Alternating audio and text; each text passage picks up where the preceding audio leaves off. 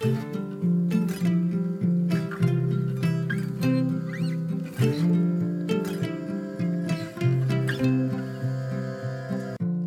och välkommen till For Health med Anna Sparre. Idag ska vi prata med den extremt kunniga och välutbildade läkaren Cecilia Fürst.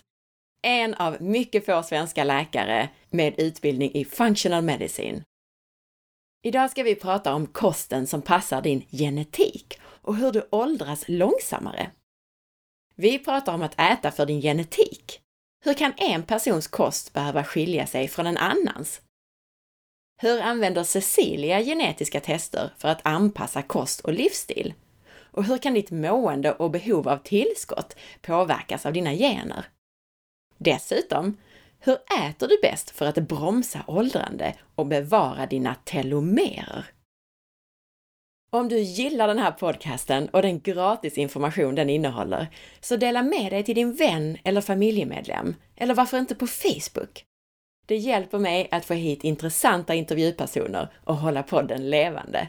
Tack på förhand! Och så får du inte missa att lämna din recension i iTunes. Mycket viktigt att du gör detta om du vill ha fler avsnitt som detta. Du vet väl om att du kan boka mig som föreläsare för ditt företag eller privata grupper? Eller så kan du boka en intensivkurs eller hälsohelg för din grupp hos mig på Österlen. Och du kan alltid hitta mer information på forhealth.se. Dagens intervju blir alltså med en svensk läkare som både arbetat inom den vanliga vården och som forskare. Men idag är hon en av få funktionsmedicinskt utbildade läkare i Sverige. Cecilia Fürst är specialistläkare i allmänmedicin i Sverige. Hon är utbildad inom funktionell medicin och anti-aging i USA och regenerativ medicin i Italien och USA.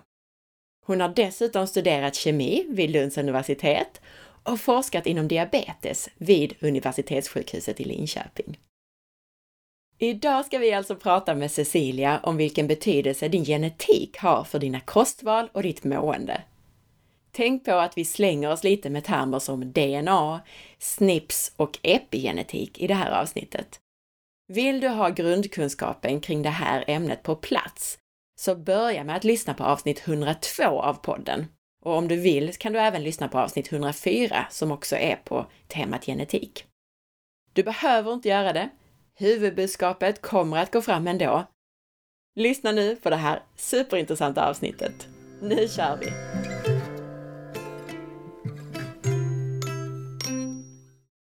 Vi har haft två avsnitt, 102 och 104, där vi har pratat om just DNA och genetik. Mm. Och jag vet att du arbetar ju med att anpassa särskilt kosten efter mm. genetiken. Mm. Och dessutom faktiskt hur vi skyddar vårt DNA mm. med hjälp av kosten. Så jag tänkte att vi skulle prata lite om det. Mm. Berätta lite allmänt om hur du arbetar med kost utifrån genetik.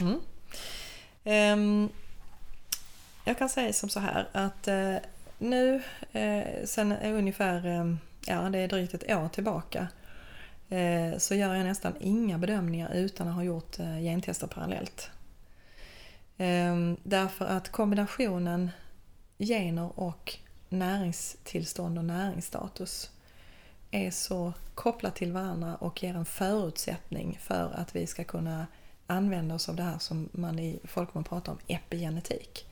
Nämligen att stänga av och sätta på bra och dåliga gener. Ehm, det jag tittar mest på det är eh, det man kallar för metyleringscykeln.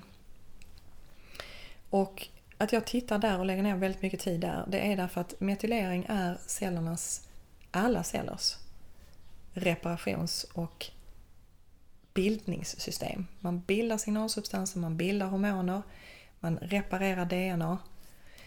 Utan det så fungerar inte cellerna.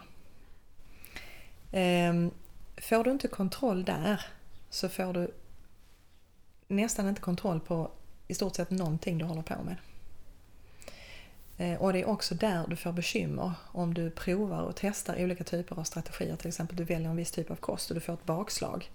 Så handlar det bakslaget ofta om att du inte har tagit hänsyn till genetiken. Så att därav att jag går in väldigt, väldigt mycket och tittar på de här metyleringsfunktionerna. Och det är, inte det, det är inte bara det man tittar på MTHFR som har blivit så populärt. Utan det är kopplingen av alla stegen i metyleringscykeln. Metyleringscykeln finns i alla celler så att om du har en levercell eller du har en mag-tarmcell eller du har en hjärncell så är den här central i alla cellers funktioner. När cellen ska, utföra något arbete så är det just genom de här metyleringsprocesserna de här arbetena utförs. Eh, ska du till exempel åstadkomma då en utläkning i mag-tarmkanalen så behöver du veta hur de här systemen ser ut och fungerar hos den här individen. Därför att genom att veta det så kan du också styra vilka typer av näringsämne som den här har mer eller mindre behov av. Eh, sen tittar jag på ämnesomsättningen, alltså vilka gener som styr till exempel fettomsättning, kolhydrattolerabilitet. Jag tittar på möjligheten för bukspottkörteln att göra sitt arbete. Det ser också väldigt olika ut, betacellsfunktionen till exempel. Insulinreceptorn, hur ser den ut? Vad har du för effekt på den? Vad har du för utseende på den? Det kan ha jättestor betydelse. Eh, för, för val av olika typer av kost helt enkelt. Mm. Jag tittar på hur du svarar på olika typer av inflammation.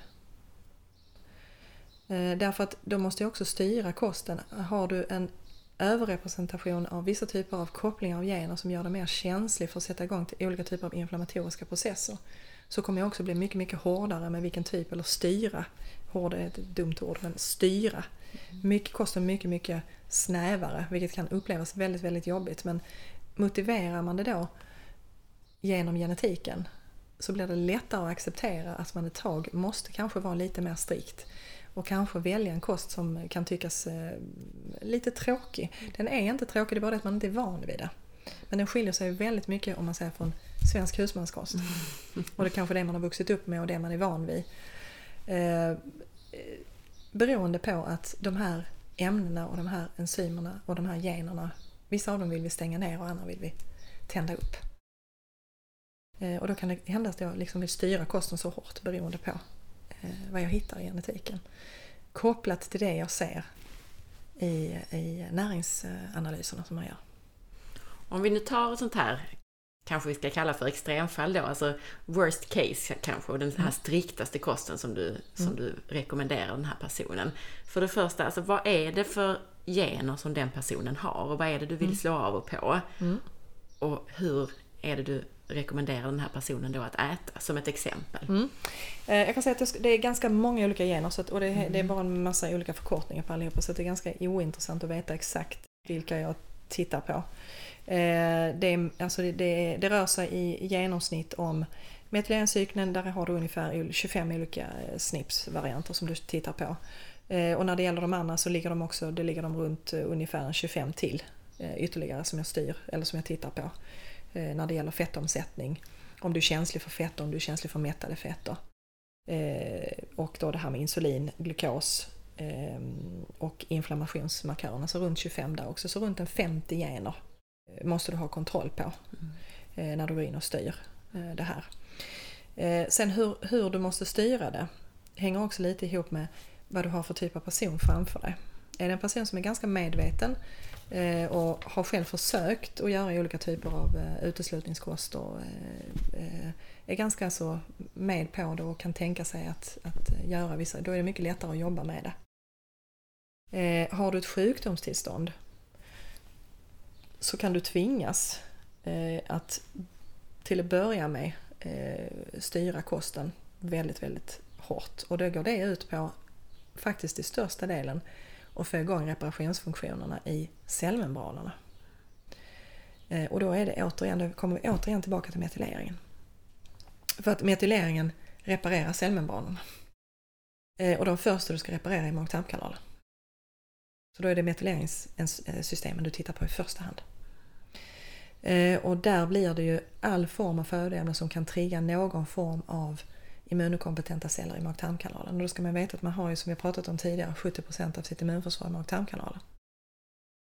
Eh, och då är det ju också så att då går man in och tittar på födoämnesintoleranser för det måste man ha med sig när man ska styra den här eh, genetiken också.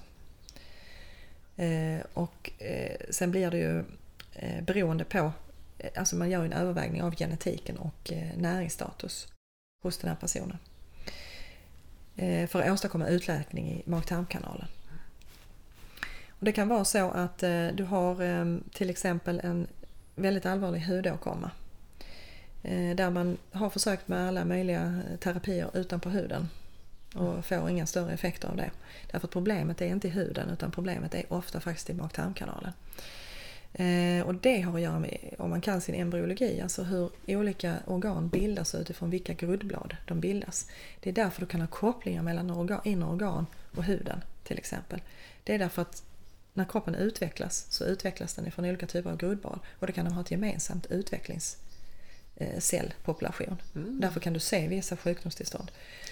Eh, så tar du då till exempel ett bekymmer med, med, med huden så är det ett mag-tarmbekymmer och där är nog de som jag får vara absolut eh, mest eh, restriktiv med vilka typer av födoämnen man får tillåta eller kan tillåta och vad det är jag är ute efter.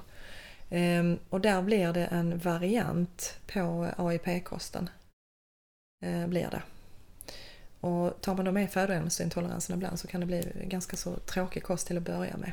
Men då går man in samtidigt med specifika kosttillskott för att stötta de här metyleringsfunktionerna för att åstadkomma en utläkning. Och när du sen har åstadkommit utläkning då kan du ta nästa steg och då börjar du släppa på och kunna förändra kosten. Så återinföra? Återinför du igen, mm. precis. Sen kommer du alltid att ha din genetik men då kommer du ha medel och veta hur du ska styra den. Du kommer också att kunna känna igen när du får vissa typer av symptom och då backa tillbaka. Och när man får vissa symptom, alltså när man blir av med symptom och när man får vissa symptom, menar du att man har påverkat sin epigenetik då? kan man absolut göra därför att symptomen innebär att det har blivit någon form av signalsubstanser, någon form av molekyler mm. Eh, som kommer att påverka cellerna. För cellerna är inte, de, är inte, de eh, går inte igång av sig själv utan de finns i ett sammanhang.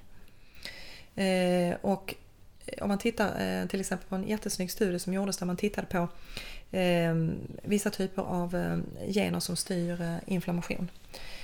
och då såg man, först fick försökspersoner helt enkelt äta en vanlig husmanskost och så tittade man på de här generna och så såg man vilka som slogs av på. Eh, och det gjorde man ganska tjusigt för man eh, markerade dem med små röda eh, fyrkanter. Mm. Och sen gjorde man om samma mätning igen och då fick samma personer sex timmar senare äta en balanserad antiinflammatorisk kost.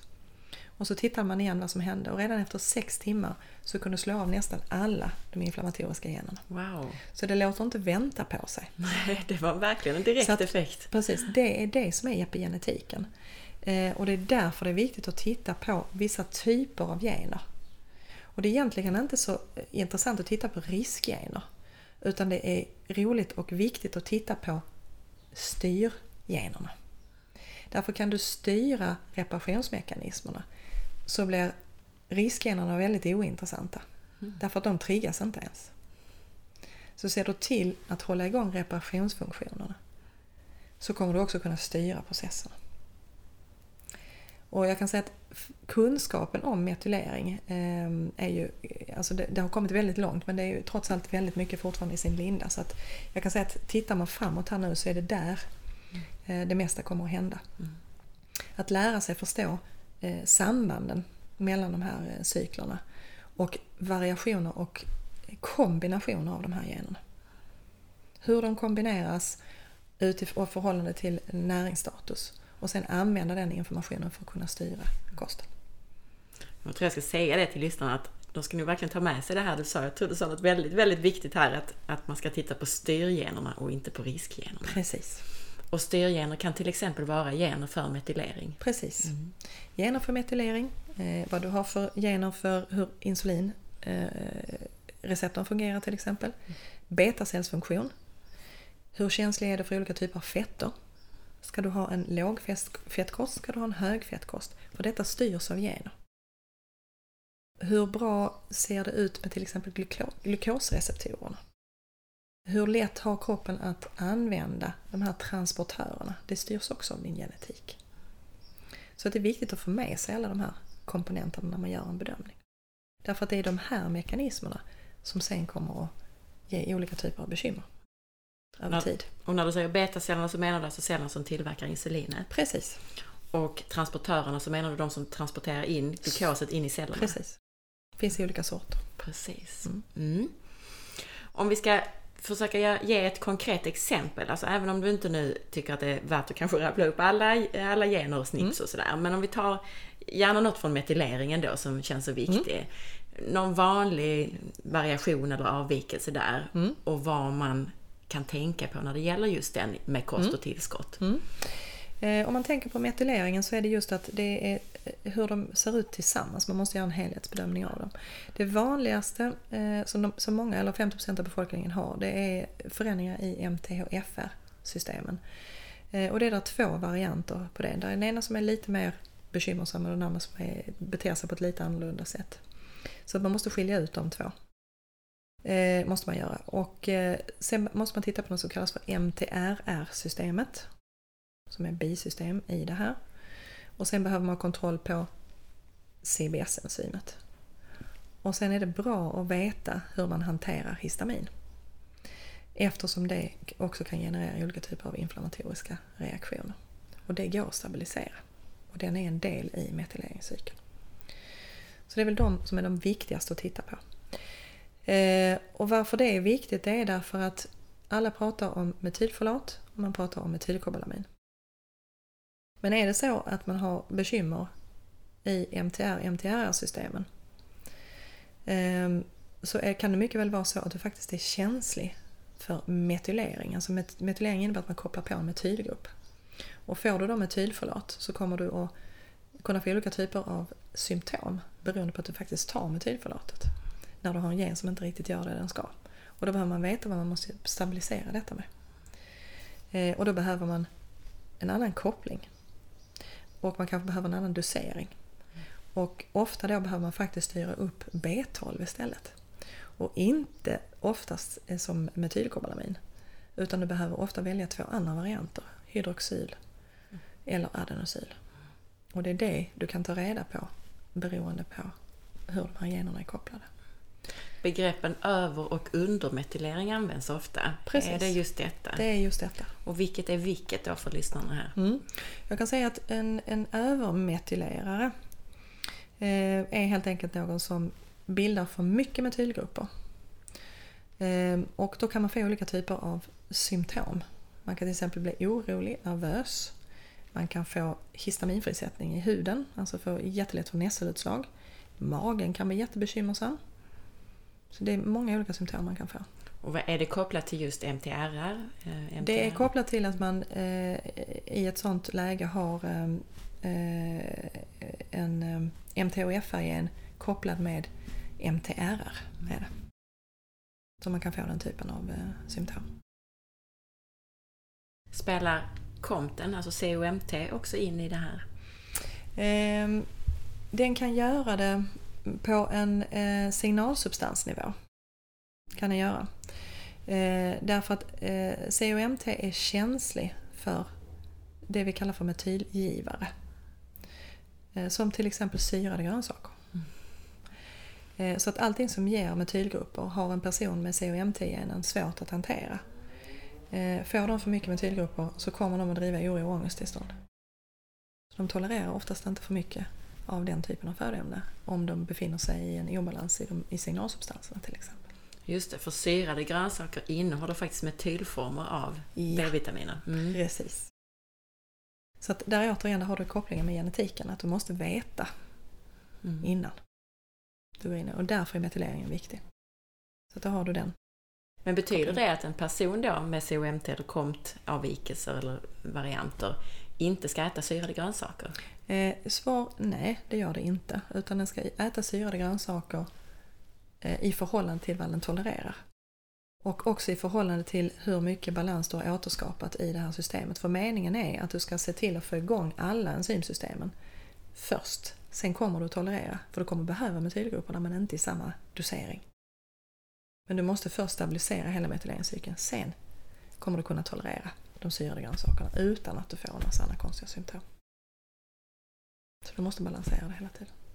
Nu drog jag nog iväg dig från det här ursprungliga exemplet. Jag minns inte exakt var vi var där. Nej, det är lätt, lätt, lätt att komma iväg på, på en massa sidospår. Jo, det var det här vi pratade om, eh, om eh, just när vi tittar på metylering, vilka, vilka gener det är viktigt att titta på. Mm. Eh, och hur de då är kopplade till varandra. När jag tittar på eh, lipidomsättningen så ehm, tittar jag framförallt på olika typer av varianter av APO-generna. Eh, därför därför det är de som styr eh, vilka typer av fetter som är lämpliga för dig och om du tillhör de som kan äta mycket mättade fetter eller du som måste lägga kanske på en 35-procentig nivå av ett dagsintag.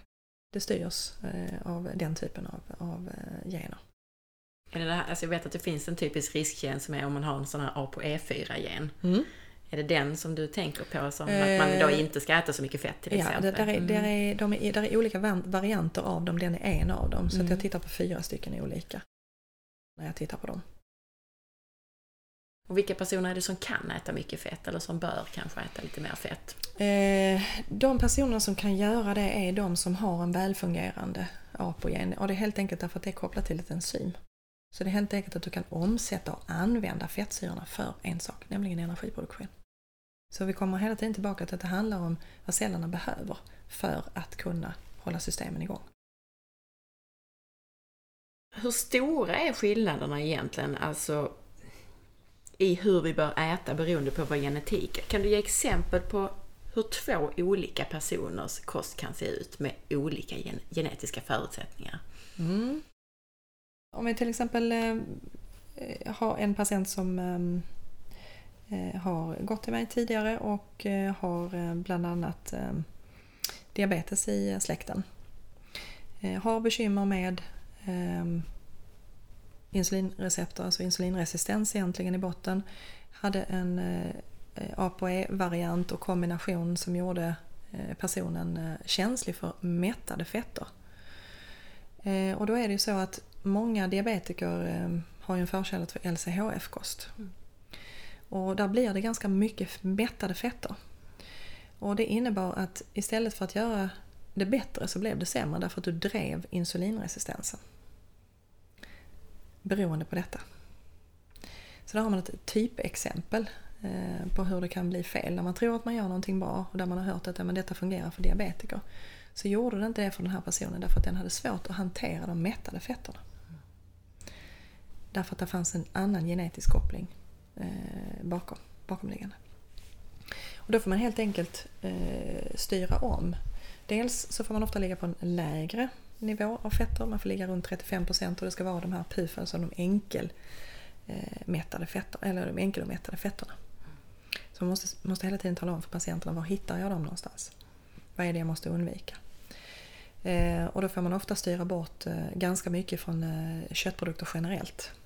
Och ganska det vi är vana att äta, då det är ju det, framförallt det röda köttet som eh, ofta blir ett bekymmer för dem att hantera. Eh, så där har vi ett typexempel. Så den personen skulle alltså äta, den, den skulle för det första inte äta så mycket kolhydrater på grund av diabetesen och risken Precis. och genetiken för det. Och inte mättat fett, men däremot enkelomättat fett som du sa. Precis. Som avokado och olivolja till exempel. Precis. Ja. Och proteinerna välj de från lite lättare eh, produkter. Fisk och kyckling. Fisk, kyckling, kalkon. Mm. Lamm går faktiskt också in där. Jaha, För det hanteras också lite annorlunda av kroppen. aha, jag trodde Så det var det- mättat fett i lamm. Mm, det är mycket lättare för kroppen att bryta ner det. Och det driver en annan typ av tarmflora. Vilt går också alldeles utmärkt. Men beror det på att, för du nämnde de här eh, PUFA, alltså fleromättade Mm. fetterna, beror det på att vilt och lamm ofta är mer gräsbetande och har mer Precis. omega-3 än omega-6? Mycket mer omega-3 än omega-6, Ah. det beror på det. Mm, Okej, Ja. så det har egentligen inte så mycket med det röda köttet att Nej. göra som uppfödnings... Som uppfödningen. Just. Och det är just det att problemet är ju, det röda köttet, alltså många av dem går ju på olika typer av pelletsformer och annat. Mm. Eh, foder helt enkelt, Mm. som inte är naturligt för dem Spann, egentligen. spannmål, majs och soja. Precis, exakt. Och då får du mer omega-6. Mm, just det. Så blir det. Så Mm. det blir tätare. Precis. Med fel, fel, fel fetter helt enkelt i köttet. Ja. Ja.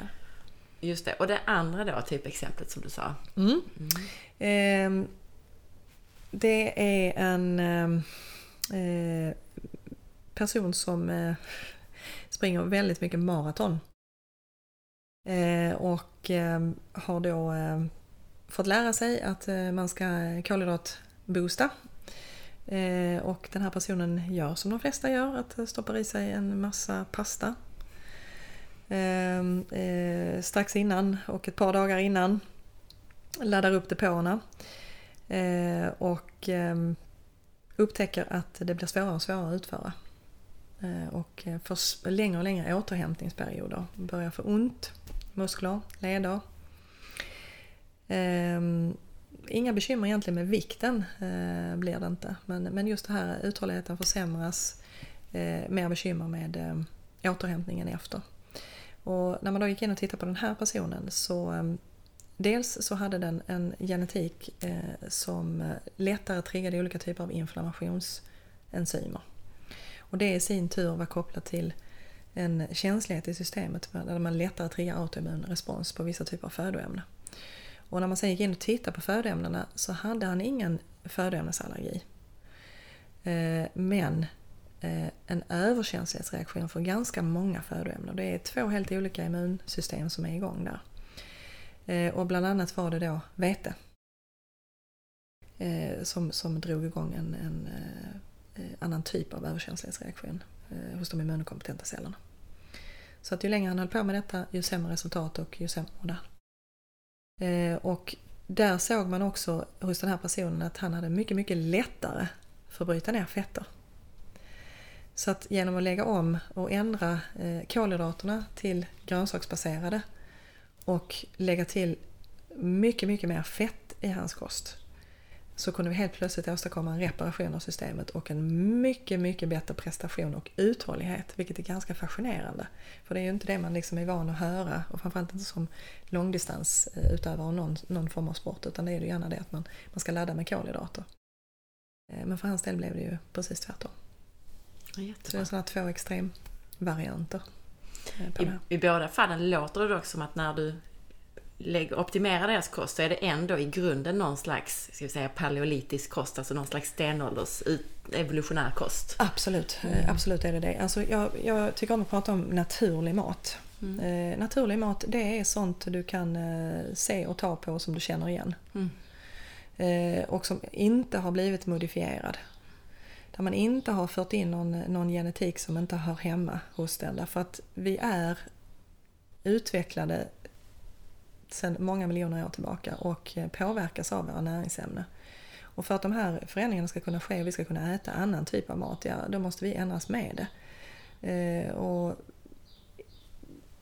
hur det skulle gå till och hur det skulle se ut och hur många som blir sjuka under den processen om man ens överlever, det har vi ingen aning om. Utan där finns födoämnen som vi är primade för att äta. Och det är den naturliga maten. Det är det du själv kan odla och det du kan gå ut och plocka.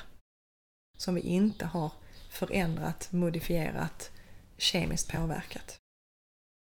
Därför att det i sin tur triggar vår genetik. Och hur det triggar vår genetik är helt individuellt. Och då kommer vi också in på avgiftningssystemen och det är också någonting jag tittar väldigt mycket på. Förmågan hos enzymerna i levern att hantera vissa typer av gifter. Mm. Eh, och också omsätta vissa typer av ämnen vi själv bildar och skapar i kroppen. För det har också jättestor betydelse för då kan du avlasta vissa system. Och det kan vara att du har system som inte klarar av att bilda vissa typer av antioxidanter i tillräcklig mängd, som glutation till exempel. Mm. Det är också genetiskt styrt. Mm. Så där kommer du också in på en, en, viktig del i det hela, att man tittar också på avgiftningsgenetiken när man pratar om detta. Nu tror jag väldigt många lyssnare som sitter här och tänker oh, men då, jag, vill, jag vill gå till Cecilia och testa min genetik och få de här tipsen. Men det är ju, du har ju bara så mycket tid så att säga. så eh, jag vet att här är många eh, terapeuter och, och läkare och så som lyssnar på avsnitten. Så om de nu vill börja på något sätt och titta lite på genetiken, finns det några nybörjarsteg, alltså några specifika gener och snipp som man kan börja med i alla fall, bara för att få någon inblick? Eh, alltså, det, alltså jag kan säga att eh, det första man faktiskt kan göra det är faktiskt att gå någon liten kortare kurs. Eh, och där, där, dyker ju upp fler och fler utbildningar inom detta. Så jag, jag hade nog startat med en helgkurs för att göra mig lite bekant med begreppet. Mm. Eh, göra mig bekant med de vanligaste eh, snipsen som man tittar på och kombinationerna av dem. Eh, och vara väl medveten om att det är just bara gener. För nästa steg är att koppla generna till det aktuella tillståndet i kroppen så att man inte stirrar sig blind på att bara titta på generna. Så att du kan inte egentligen ge ett råd om vilka typer av eh, tillskott du ska ha utifrån genetiken. Du kan ge en hint om det. Du kan ge en hint om vad som kan vara bra och vad du ska undvika. Och vad du ska tänka på och fördela. Eh, men ska du verkligen veta hur den här genetiken interagerar med eh, näringstillståndet så är det ytterligare en koppling. Men jag tycker att man kan börja med att skaffa sig ett hum om vilka eh, gener man tittar på och i vilka kombinationer och sen utifrån det börja titta på näringsstatuset. För då får man en bra eh, grund att stå på. Och då kan man börja med eh, runt en 25 stycken gener som har att göra med ämnesomsättning, som har att göra med bukspottkörtel, som har att göra med avgiftningsfunktioner, som har att göra med metylering. Och få ett hum om hur det funkar och sen utifrån det ta det till nästa steg att vänja sig vid att titta på hur bedömer jag eh, näringsstatus? Och sen gör man den kopplingen. För det är precis som du sa, det är bara gener och det beror ju på om de uttrycker sig eller inte. Precis. Hur vi har levt och lever, eh, miljöfaktorer och så vidare. Exakt. Mm. Exakt. Så det ger en hint mm. men det är långt ifrån hela sanningen. Det visar inte hur det fungerar här och nu. Nej, Nej. det gör inte det. Utan den kopplingen måste du göra genom att titta på andra saker. Telomerer, mm. vad är det för någonting och vad har de för betydelse? Ja, eh, telomerer är en skyddande struktur på våra kromosomer man kan är en liten hetta som sitter i änden på kromosomerna. Och när cellerna delar sig så förkortas telomererna lite grann. Och det är också det som gör att vi åldras. Eh, och att titta och se på telomererna är egentligen att få ganska klar bild av din biologiska ålder. Inte din kronologiska ålder. Inte det som står på den datumen du är född och det, det året du har just nu. För det kan se väldigt olika ut. Du kan ha en kronologisk ålder och se helt annorlunda ut biologiskt i systemet. Du kan vara mycket yngre eller du kan vara mycket äldre. Och det har att göra med längden på de här telomererna. Eh, när jag jobbar med telomerer eh, så gör jag det antingen om det är någon som har något specifikt önskemål om det, som kanske tränar och vill veta om kost och träning är till fördel för återhämtning och för de här telomererna eller om de, om de helt enkelt tränar på ett sätt som faktiskt skadar återhämtning och eh, reparation. Eh, och då, då gör man helt enkelt telomertester ungefär var tredje månad. Eh, och då ställer man om kosten successivt. Så att man ser liksom vad händer när du går på den här kosten. Eh, och då gör man först en bedömning utifrån genetik och nutritionsstatus att det här tror vi, så här ska det se ut. Och det här är en lämplig träning. Och skulle man då sen vid nästa telomertest se att det faktiskt har en negativ påverkan, då får man gå tillbaka igen och titta, okej okay, här är någonting annat som påverkar. Så då kan man ändra så man tittar alltså hur mycket har de förkortats Precis. mellan de olika mellan beroende olika. Så den kost som förkortar dem minst det är alltså den bästa kosten för Precis. den personen. Eh, och när det gäller telomerlängder så är det ju ett, ett, relativt tal så att då har man ju tittat på stora populationsstudier när man har gjort eh, bedömningar om hur mycket det kortas och vad som är normal. Mm. Eh, och vad, vad, det är som, vilka faktorer som kan påverka. Och faktiskt också nu tittar man på vad som kan förlänga dem. Eh, och tittar man studiemässigt på det så kommer det väldigt intressanta resultat nu och det är inte vad man har förväntat sig. Nej. Är det inte. Man skulle kunna tro att eh, träning skulle ha en, en eh, starkt positiv påverkan på telomererna. Eh, och det har det inte. Utan det som har den absolut största påverkan på telomererna eh, är tillgången på födoämnen som är rika på antioxidanter. Mm. Och det är alltså grönsaker och frukt. Eh, där man ser den största påverkan på telomerfunktion och också på återhämtning och faktiskt också att man kan öka telomerlängden. Så det är ganska fascinerande. Jag insåg här just att vi, vi bara slängde oss med saker som celldelning och så. Bara för att eh, väldigt kort summera det, kan du göra det för lyssnarna? Alltså, vad, Absolut. Varför har vi celldelning ja, och, och vad är kromosomer? Bara väldigt kort. Precis. Mm. Våra kromosomer innehåller vårt DNA och vårt DNA är lindat i olika typer av proteinmolekyler. Och sen skruvar de sig till det vi kan se eh, som vi pratar om, att vi har 23 kromosomer. Och de här 23 kromosomerna innehåller då allt vårt DNA. Eh, när cellerna sen ska läsas så öppnar sig vissa delar av DNA faktiskt med hjälp av de här proteinmolekylerna som omger dem och skyddar dem. Och i änden på varje sån sitter där någonting vi kallar för telomerer. Och det är helt enkelt en, man kan säga att det är lite som en liten mössa som ska skydda ändarna. Och alla celler åldras. Och när cellerna åldras så ska de tas bort och sen så ska det komma en ny och den ska genomgå en celldelning. Och det är just den här förnyelseprocessen och celldelningsprocessen när nya celler ska bildas igen, det är där som eh, det sker när cellerna omsätts. Det är där som det kan ske en förkortning av telomererna. Eller rättare sagt, det är där det sker en förkortning av telomererna.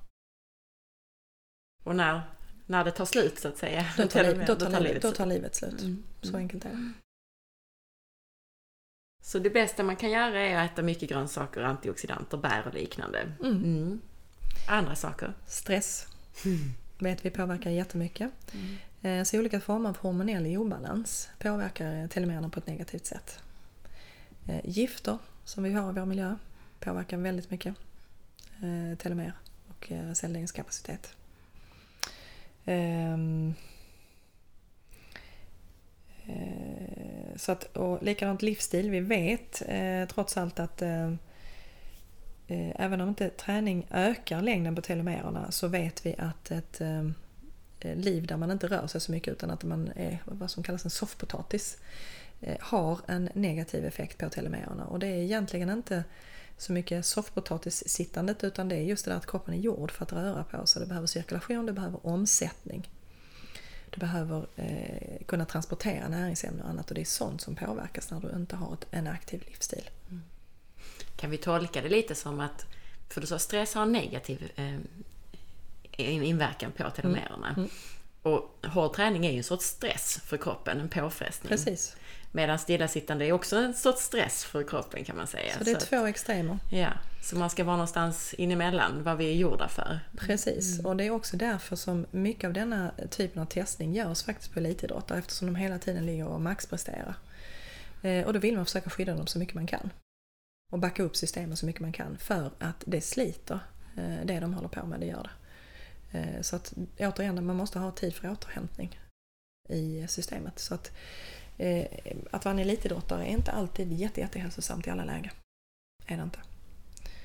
Inte minst för att elitidrottare inte alltid äter så. Precis, där kommer nästa lilla, eh, lilla bekymmer då att alla inte är så medvetna om hur de ska äta när de tränar så hårt. Mm. Mm. Och att det, det, kan bli ett bekymmer. Är det. Så att extremerna, kroppen tycker inte om extremer. Helt enkelt. Eh, Gör den inte. Och det har att göra med att du måste ha molekyler, du måste ha ämne, du måste kunna hantera alla former av processer i kroppen hela tiden så att det blir lagom. Inte för mycket inflammation, inte för lite. Lagom av hormoner, inte för lite eller för mycket. Så att kroppen är som, den har en termostat för alla typer av processer. Och Det är därför jag hela tiden pratar om optimal funktion. Och optimal funktion innebär optimal funktion utifrån individ. Därför att vad som är optimalt för dig är inte säkert att det är optimalt för någon annan. Och det är där generna kommer in. Jag tycker det var jättebra att du tog upp det här med också inte för mycket och inte för lite. Därför det är ju, alla har lärt sig att träning är bra, ju mer desto bättre. Det är en sak. Även utmattade tror det, till exempel. Precis. Och eh, nu nämnde du också inflammation, vilket är jätteintressant för att vi behöver ju inflammation. Jag har också Precis. tagit upp det i ett avsnitt. Eh, även om problemet ofta är att vi har för mycket och kronisk inflammation så är det ändå en nödvändig process. Det är en nödvändig process i kroppen. Så det är en balans, allting handlar om en balans. Det är så kroppen jobbar. Mm. Så att vi ska bara se till att få vårt system att fungera så nära optimalt vi kan. Och de gångerna vi utsätts och tvingas att göra vissa saker, för det, så är livet, vissa, vissa grejer måste man bara ta tag i och göra och det kommer att innebära stress för kroppen. Att vi då kanske vet att vi faktiskt kan gå in och skydda de processerna. Och då kan man göra sådana saker som att skydda hormonsystemet, skydda avgiftningsfunktionerna. Se till att du kan göra dig av med olika typer av fria radikaler till exempel som bildas i högre mängd under en stressig period. Veta hur du ska tänka och veta att du faktiskt kan skydda dig med vissa typer av kosttillskott. Som till exempel rhodiola. Mm. Mm. Som är alldeles utmärkt. Eh, och det finns ju en anledning till varför ryska idrottare har använt den i sedan urminnes tider. Under och inför tävlingar. Har du, ser man någon effekt på telomererna med sådana tillskott? Eller är det mer som att okay, man, man känner att man kan balansera i kroppen mm. och kroppens hormonsystem? Eh, jag tror inte det är gjorda några studier eh, på direkteffekter eh, när det gäller just telomererna. Eh, utan vad man ser det på det är eh, binjurefunktion och eh, stresshormonshantering. De är vad som kallas för adaptogener. Just. Så att de hjälper hela tiden till att kroppen att hålla den här balansen. Så att även om de utsätts för en, en press och stress så kommer de här adapto- adaptogenerna att hjälpa till att balansera det. Mm. Och vissa örter har en extremt bra effekt att göra det på. Och det är de man utnyttjar. Mm. Eh, och det är ju inget dopingmedel heller så att, eh, därför får man lov att använda det. Eh, vad man ska tänka på när man går in och, och om man skulle vilja och arbeta med örter det är att man ska vara extremt noga med att de är kontrollerade och att de är läkemedelscertifierade. Och att de är testade för pesticider. Eh, och att man ska se verkligen certifikat för att de är testade på oberoende laboratorier för annars ska man inte använda dem. Därför att örter växer ofta på ställen där det också förekommer mycket eh, gifter i mark och annat. Och, eh, folk bryr sig inte alltid om att kvalitetssäkra sina produkter. Och då gör det mer skada än nytta. Så att man måste vara noga med, med kvalitet också när man väljer. Klokt. Du sa ju också i perioder av stress, alltså jag har också, det finns ju fantastiska effekter av rhodiola, svaganda, cordyceps och så vidare. Personligen så är jag ibland lite skeptisk till personer som tar det innan man har gjort allt andra jobbet så att säga. Att komma till rätta med stressen och orsakerna till den. Absolut. Men det är ingenting som säger att du inte kan använda dem parallellt. Men du ska inte använda dem för att du ska slippa göra förändringarna. Precis. För då är du inne på en farlig väg. Det finns inga tillskott, det finns ingen kost som kan hantera om du missköter resten av livet. Mm. Du kan aldrig kompensera för det. det. Utan återigen, det handlar om balans där också. I förhållande till vartannat. När det gäller nu längden på telomererna. Ehm, du har nämnt här lagom mycket, mycket aktivitet, bra kost med mycket antioxidanter. Hur är det? Sömn ger ju återhämtning så jag gissar att det också mm. påverkar. Mm. Och sömn påverkar hormonerna och hormonerna påverkar telomererna. Ja. Så där har du den kopplingen. Just det. Mm. Och hur är det med att vara utomhus? Alltså det, jag vet inte hur mm. mycket studier det finns på det, men mm. har det någon koppling till telomererna? Svar, D-vitamin. Har en jättekoppling till telomererna. Mm. Mm. Finns det något annat man ska tänka på i kosten för att skydda och bevara sina telomerer? Eh, där finns vissa nyckelämnen som är viktigare. Eh, och det man har kunnat se eh, det är till exempel att de här lila färgämnena som finns i frukt och grönsaker eh, har specifika egenskaper eh, som antioxidanter sett och att skydda eh, telomererna. Så allt ifrån eh, eh, blåbär till björnbär till eh, japansk sötpotatis med den här lila mm. sötpotatisen som eh, man kan få tag i. På lite få ställen men man kan få tag i den. Ehm, eh, och de har man ofta, till exempel i Japan har man det ofta i de eh, städerna där befolkningen blir som äldst. Så där har du kopplingen med det här lila. Och det har att göra med egenskapen hos det här ämnet. är en fantastiskt stark antioxidant. Så att få i sig det mm. är jätte, jätteviktigt.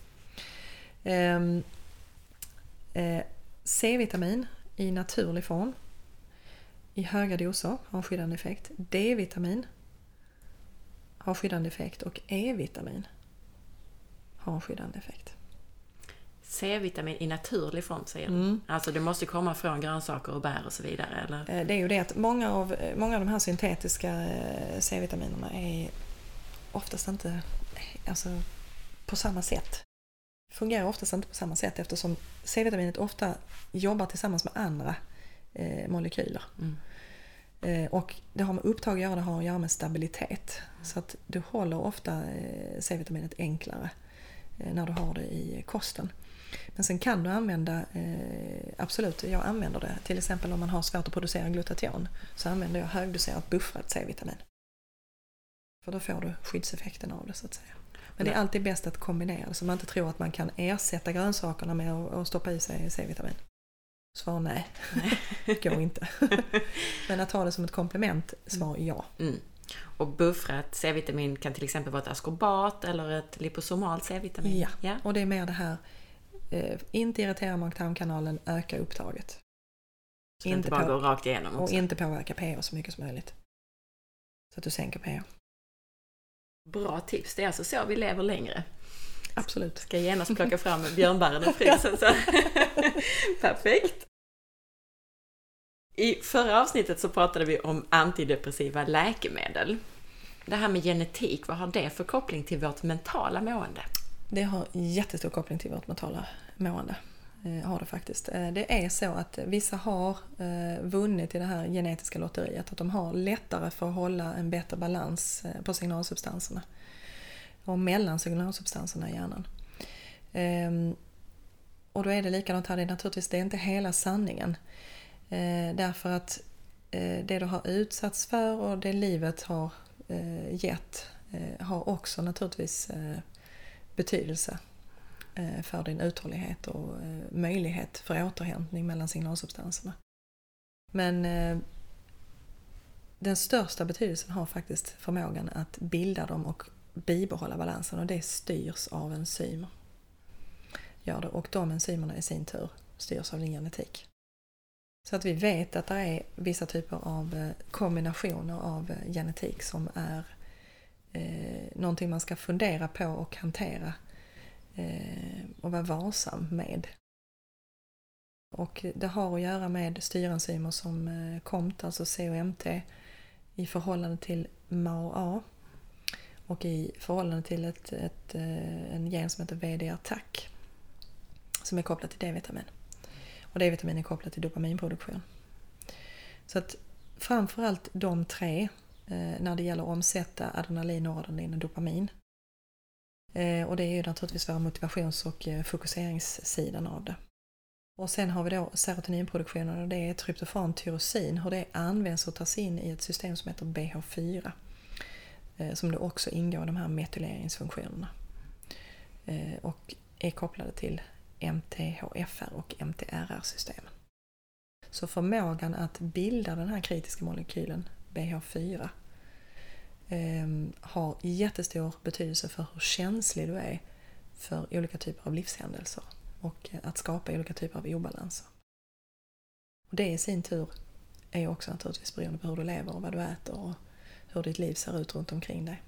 Om det, det är så att eh, alla har inte det lätt eh, och har man då dessutom en genetik ovanpå det så får man ytterligare lite att kämpa emot.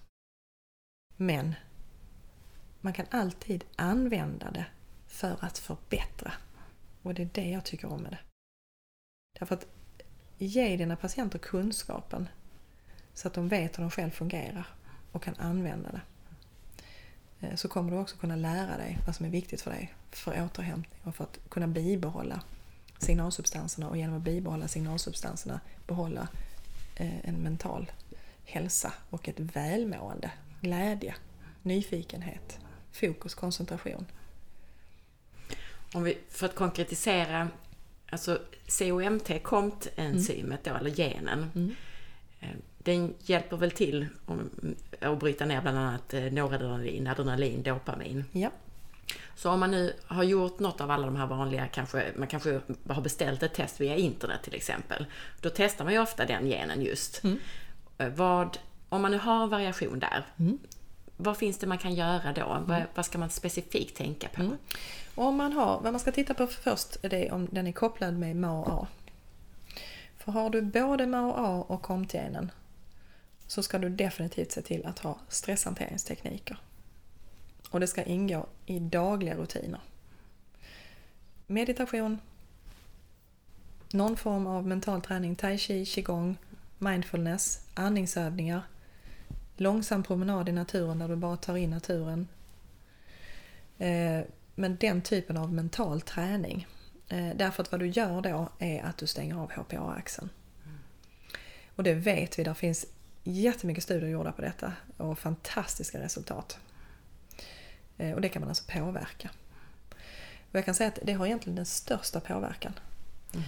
Sen kan man skydda och se till att det fungerar och kanske går lite, lite snabbare. Och det är det bland annat magnesium som är då en, en det vi kallar för K-faktor, ett hjälpämne eh, till de här enzymerna som måste finnas i tillräcklig mängd. Och har man då eh, ett enzym som inte bryter ner signalsubstanserna ordentligt eh, så krävs nämligen magnesium i de processerna och då kan man använda magnesium. Och det finns ett anledning varför den är en, en muskelrelaktant också, därför att den påverkar de här enzymerna. Så det går till exempel att använda magnesium. Eh, ashwagandha är också alldeles utmärkt att använda i de här lägena. Eh, om man tolererar eh, så kan man använda, eh, beroende lite på hur mycket man klarar metylering och metylgrupper, eh, L-teanin. L-teanin skapar alfavågor i hjärnan samma typ av vågor som du får när du mediterar. Det finns också jättefina kliniska studier på det. Så det är också någonting man kan använda för att om man är inne i en stressig period att man kan hjälpa till att eh, balansera. När på dygnet tar man bäst teanin? Eh, teanin kan du faktiskt ta över hela dygnet men helst när du, den vakna tiden. Den är inte sederande, den ger inga biverkningar eh, och den påverkar inte kroppen på något negativt sätt överhuvudtaget. Ja, inte så att den, eh, man kan köra bil, alltså det är ingenting sånt som annars den här typen av läkemedel kan förhindra om man använder till exempel Atarax som har lite sederande effekt. Eh, de här arbetar inte på samma sätt. Gör de inte, utan vad de gör, de stöttar egentligen de här Comptomar-systemen. Det är egentligen det de gör. Mm. Och det är därför man kan använda dem. Så det man kan säga egentligen, alltså eftersom personer med de här eh, generna eller genetiska förutsättningarna inte bryter ner de här substanserna som faktiskt är det som stressar igång oss, som mm. kickar igång oss, så har man lättare, eller när man väl kommit upp i varv så har man svårare att komma ner i varv igen. Precis. Mm. Så det är bara att man ska ha strategier för återhämtning. Precis. För det är samtidigt det som gör att man får driv. Det är det som gör att man kan ha många bollar i luften. Så att det är inget negativt. Nej. Men man måste bara lära sig balansera det. Därför att det är ofta den typen av personer som hamnar i situationen av det vi pratade förra, förra gången, nämligen utmattning. Mm. Därför att de överanvänder de här systemen och är vana att kunna kicka igång den. Och då söker man också den typen av födoämnen som kickar igång den när, när, när hjärnan inte längre orkar producera dem i samma takt som man är van vid. Då går man på den här typen av födoämnen som drar igång eh, dopamin och adrenalinproduktionen. Mm. Och det kan vara allt ifrån träning till olika typer av födoämnen. Och det är därför somliga säger jag måste ut och springa. Mm. Det måste de, därför att de måste ha hjälp med kontensynet. Men samtidigt så tröttar de ut binyrorna. Och sen är man inne i den här utmattningscirkeln. Så att allting handlar om att lära sig förutsättningarna. Så det är en fördel att ha det och den har en, en baksida och den måste man bara veta om och man måste veta när man ska stoppa och hur man ska använda det. Och för lyssnarnas skull ska jag också förtydliga, HPA-axeln som du nämnde har ju med stresssystemet att göra. Ja. Hjärnan, binjurarna. Och hypofysen. Precis. Precis. Ehm, och sen eh, finns det andra signalsubstanser som också omsätts och kan påverka. Så där har vi GABA och glutamatsystemet. Eh, och det är då också våra eh, excitatoriska, alltså den som ser till att eh, köra igång systemet och den andra som lugnar ner det. Eh, och det, där kan man också ha eh, olika typer av eh, funktioner och receptorer som fungerar lite olika. som gör att man kan ha lättare eller svårare för att helt enkelt lugna ner hjärnan och få den här effekten av GABA till exempel. Den effekten kan då vara blockerad och den kan vara blockerad av, beroende på hur snabbt enzymet går eller om du kan omsätta eh, Eh, olika typer av ämnen som kan gå in och blockera GABA i hjärnan som då till exempel som vi pratade om också förra gången, kenorensyra som är förhållandevis vanligt. Och det kan man då påverka med till exempel B6. Jätteglad att du som läkare sitter och säger att det viktigaste här är då som du sa, ut i naturen, andningsövningar och så vidare. För folk letar ju ofta efter en quick fix, ett piller eller ett tillskott eller någonting sånt där. Precis, mm. och det är just det att jag, det, jag kan säga att det, man kan ha, använda dem för att skydda sig. Men du måste sikta på de långsiktiga lösningarna för att annars löser du inte problemet överhuvudtaget. Mm. Inte. Där finns, jag är hemskt ledsen men där finns inga quick fixes. Tyvärr.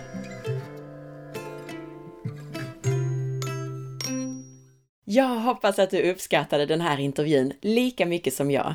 Om du gjorde det, så gå till facebook.com forhealth.se och dela avsnittsinformationen. Dela den gärna i dina Facebookgrupper om du tror att någon kan ha hjälp av den.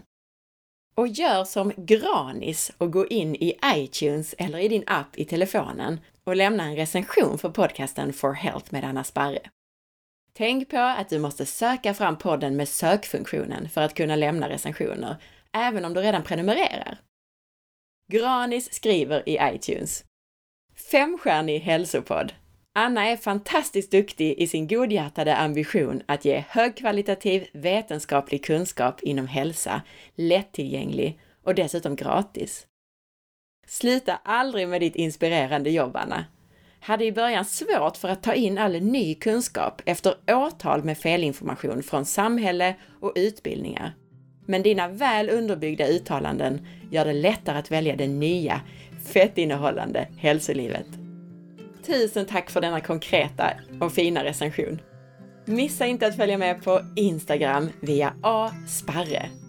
Tack för att du lyssnade och ha en underbar dag så hörs vi snart igen. Hej då!